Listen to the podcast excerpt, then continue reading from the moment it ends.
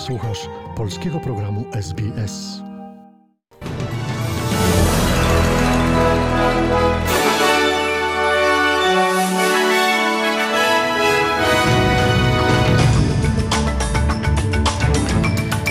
Dzisiejszy dziennik zaczynamy od skrótu najważniejszych doniesień. Epidemia koronawirusa zasięgiem objęła już 60 krajów świata. W Australii zmarła pierwsza osoba zarażona wirusem. W Korei Południowej z powodu zwiększenia się liczby zarażonych zamknięto kościoły.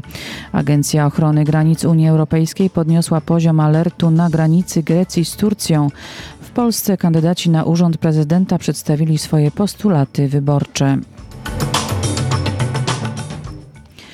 A oto szczegóły doniesień. Kolejne trzy osoby w Australii zostały zdiagnozowane jako zarażone koronawirusem.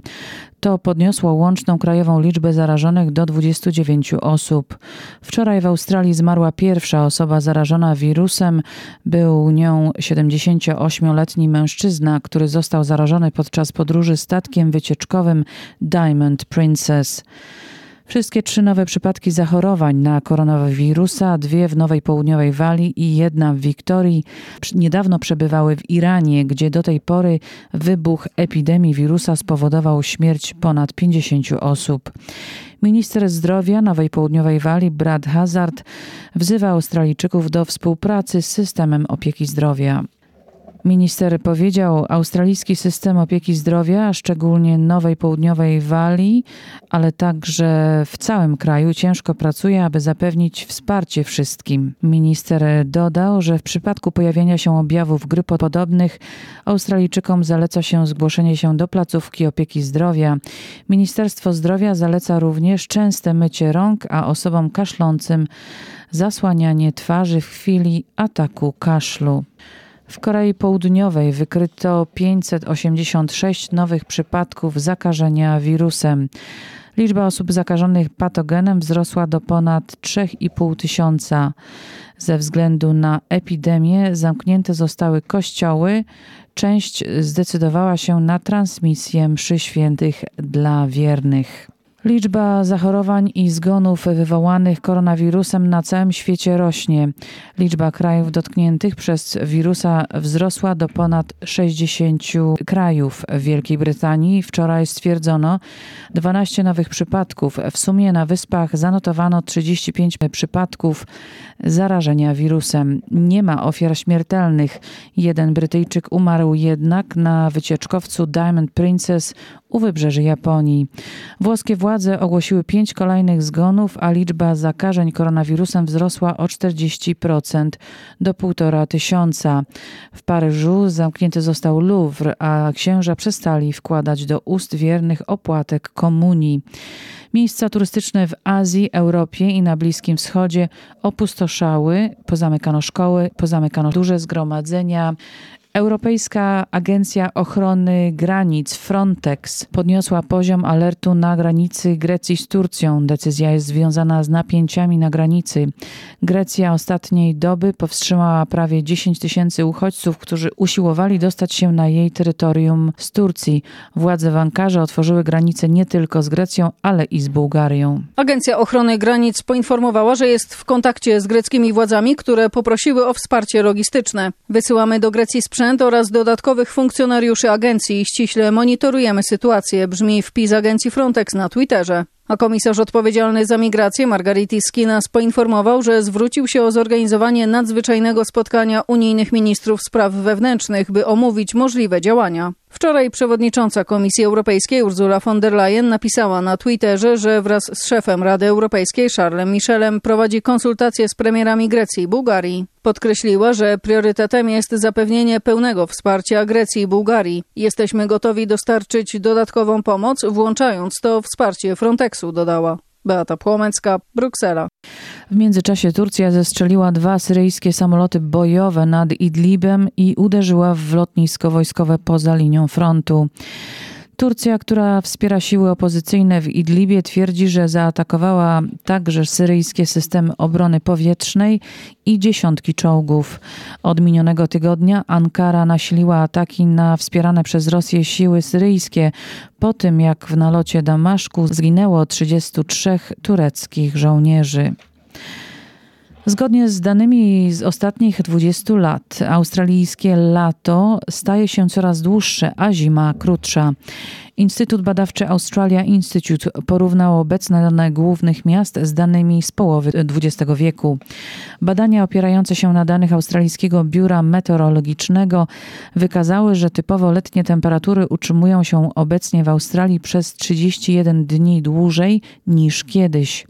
Natomiast zimy są o 23 dni krótsze niż te w połowie XX wieku. Eksperci wzywają australijski rząd federalny do wzmocnienia planu redukcji emisji, tak aby móc zapobiec dalszemu ocieplaniu klimatu. W dniu dzisiejszym w Australii swoje obrady rozpoczął ogólnokrajowy szczyt ochrony środowiska, który ma na celu ograniczenie zanieczyszczenia środowiska tworzywami sztucznymi. Szczyt wzywa do ustanowienia legislacji, w ramach której do 2025 roku wszystkie opakowania z tworzyw sztucznych nadawałyby się do wielokrotnego użytku, kompostowania lub do recyklingu. Premier Scott Morrison mówił o wyzwaniach środowiskowych dla krajów regionu Pacyfiku. Na samym Pacyfiku pływa cała wyspa odpadów z tworzyw sztucznych, która jest prawie trzy razy większa niż terytorium Francji. Jak się o tym dowiedziałam, było mi trudno w to uwierzyć. Koniecznie chciałam zobaczyć zdjęcie. Kraje Pacyfiku nie są odpowiedzialne za to zanieczyszczenie, ale niestety muszą sobie z nim poradzić. Nie chodzi tylko o samo marnotrawstwo, ale o to, jak wpływa ono na zdrowie ludzi mieszkających na wyspach Pacyfiku. Wyzwanie to jest dla nich problemem egzystencjalnym. W tym tygodniu australijscy Zieloni ogłoszą propozycję klimatycznej ustawy kryzysowej. Przywódca federalny Partii Zielonych Adam Band przedstawi projekt ustawy, do której zaleceń miałoby dostosować się w swoich działaniach wszystkie ministerstwa w australijskim rządzie. Ponadto przywódca Zielonych chce także, aby jeszcze powołać odrębną jednostkę parlamentarną do walki z kryzysem klimatycznym.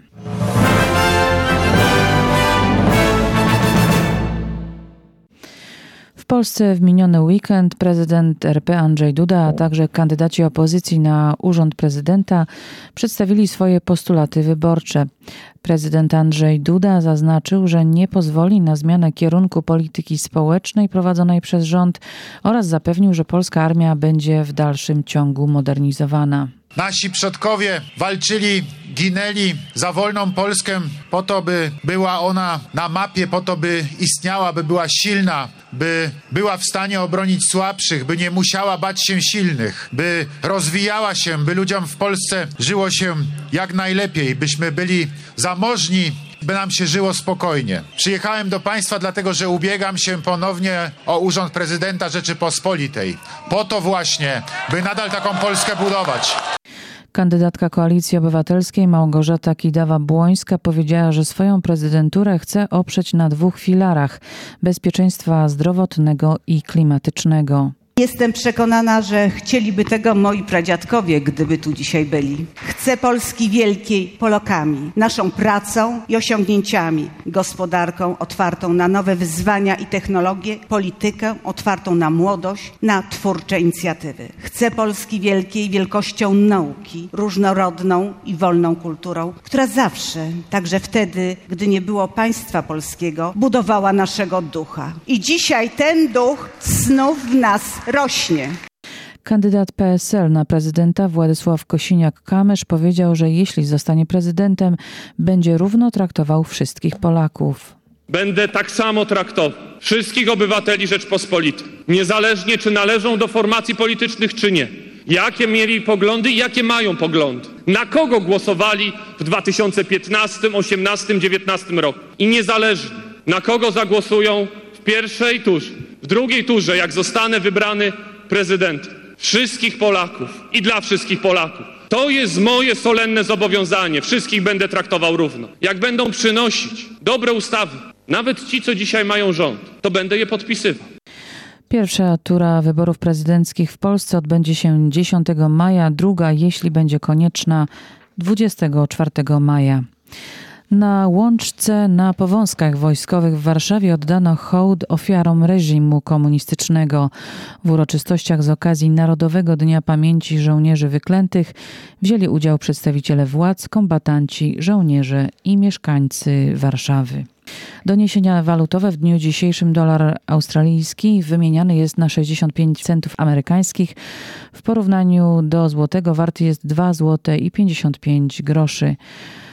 Pogoda na jutro, czyli na wtorek dla stolic stanowych. W Perth słonecznie, temperatura maksymalna 31 stopni.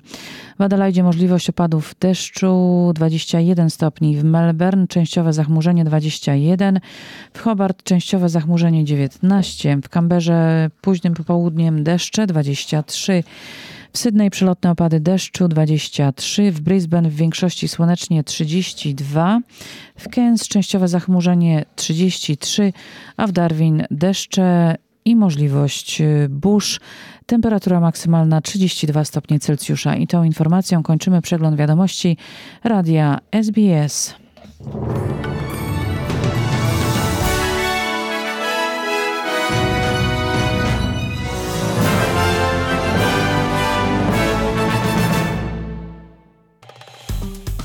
Nas na Facebooku, udostępnij innym, skomentuj, bądź z nami na polskim Facebooku SBS.